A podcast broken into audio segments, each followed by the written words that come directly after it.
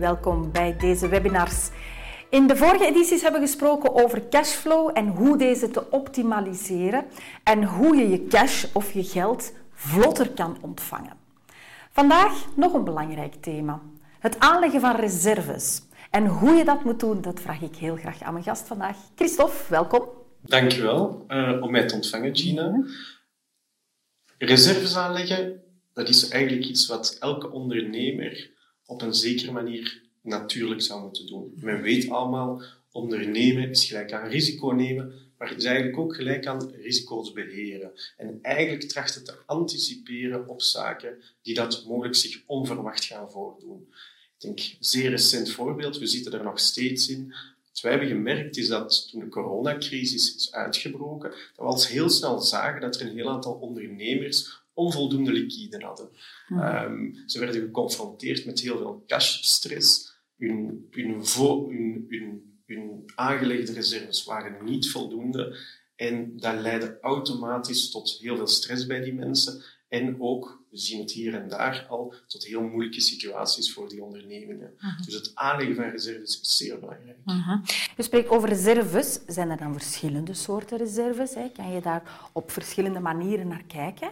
Absoluut, absoluut. Mhm. Ik ga het proberen zeer simpel uit te leggen en ook te beginnen bij de uh, twee meest uh, belangrijke reserves, dat wij daar toch naar kijken, is enerzijds je hebt de kostenbuffer. Uh, jouw bedrijf heeft elke maand x procent kosten. Mhm. Ehm, je moet eigenlijk in staat zijn om die drie tot idealitair zelfs zes maanden te overbruggen, indien dat plots, om welke reden dan ook, mhm. jouw inkomsten zouden wegvallen.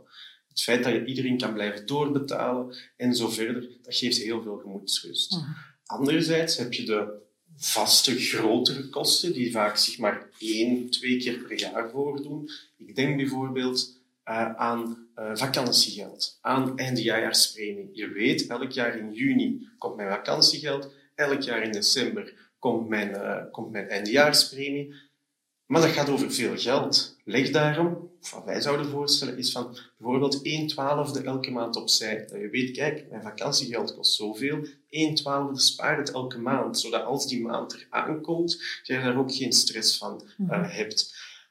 En eigenlijk zou je moeten doen, tracht in alle pragmatiek een summiere cashplanning aan te leggen. Je weet ongeveer wat er gaat binnenkomen op basis van vorig jaar. Je weet welke kosten je gemiddeld maakt en welke vaste, grotere kosten, zoals die eindejaarspremie, er ook aankomen. Mhm. Dus tracht dat gewoon in een modelletje te gieten, dat je daar ook mee kan spelen en anticiperen. Mhm. Je spreekt over het aanleggen van uh, financiële reserves.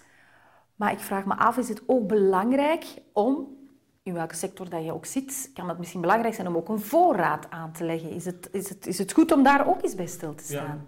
Ja, ik, denk, ik denk dat dat inderdaad, je gaat het zelf al aan. Het is afhankelijk van de sector mm, dat je in zit. Ehm, ik ga twee voorbeelden geven. Voorbeeld 1 is bijvoorbeeld, je, je hebt een bedrijf in de mode. Je weet dat jouw aankoopmomenten twee maal per jaar dat vraagt zeer veel liquide. Je werkt daar naartoe. Want hoe meer dat je ook kan kopen, en dat is in eender welke uh, sector dat met voorraad kan werken, je weet, hoe meer ik koop ineens, hoe interessanter de prijs zal zijn. Natuurlijk, als je heel veel koopt, moet je het ook kunnen betalen.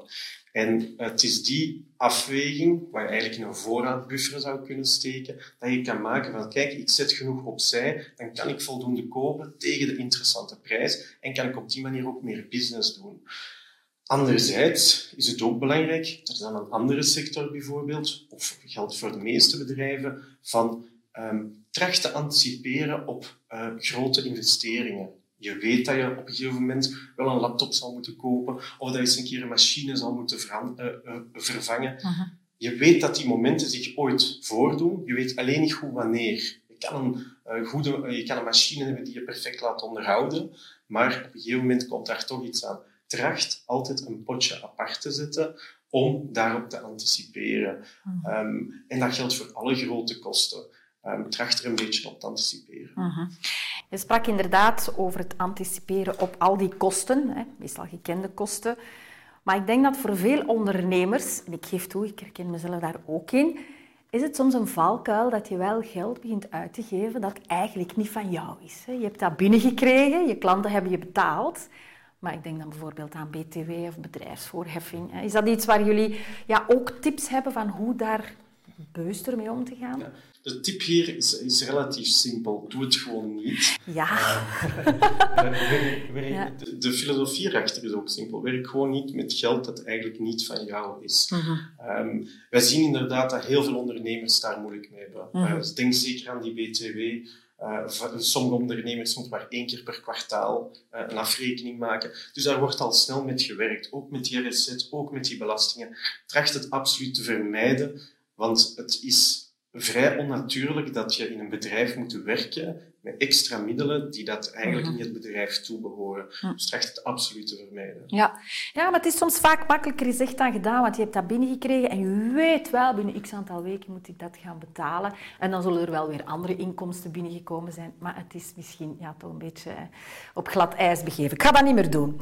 Um, kan je eigenlijk alle kosten plannen. Heel veel zaken komen jaarlijks terug, maar ik denk dat er sommige zaken ook wel onverwacht zijn. Ja, ik, ik zou ook wel mijn advies zijn persoonlijk. Tracht dit op een pragmatische manier te benaderen. Denk terug aan die vaste kostenbuffer, aan die kostenbuffer. Want het is namelijk onmogelijk om alles te voorspellen. Dan gaat de pragmatiek van jouw cashmodel ook eigenlijk verloren. Um, het is namelijk zo, er kan heel veel onverwacht nog gebeuren. Uh, plots afscheid van een medewerker moeten nemen. Um, iets dat je absoluut niet had voorzien. Uh, je kan dat onmogelijk incalculeren, maar weet wel, ik heb het net ook gezegd, uh, als je daarnaast een klein potje hebt staan dat je voor zo'n situaties kan gebruiken, geeft u de, de juiste gemoedsrust. Gekoppeld daaraan, um, wat ik persoonlijk ook een heel belangrijk aspect is, en wat wij, wat wij noemen de ondernemersbuffer, is van, kijk, er doet zich iets onverwacht voor. Uh, je omzet draalt drastisch. Je hebt je buffers voor de kosten en zo verder. Maar denk ook aan jezelf. Uh, tracht als ondernemer drie tot zes maanden verloning ook opzij te hebben staan.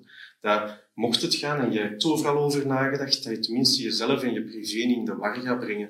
En dat is ook voor mij een heel belangrijk advies van denk voldoende ook aan later. We leven het nu en het kan super fijn zijn, maar denk ook aan later. En als er zich echt iets mhm. onvoorzien voordoet, het comfort en gemoedsrust dat je dat geeft, ga je ook sterker maken om te blijven ondernemen. Ja, ja, absoluut.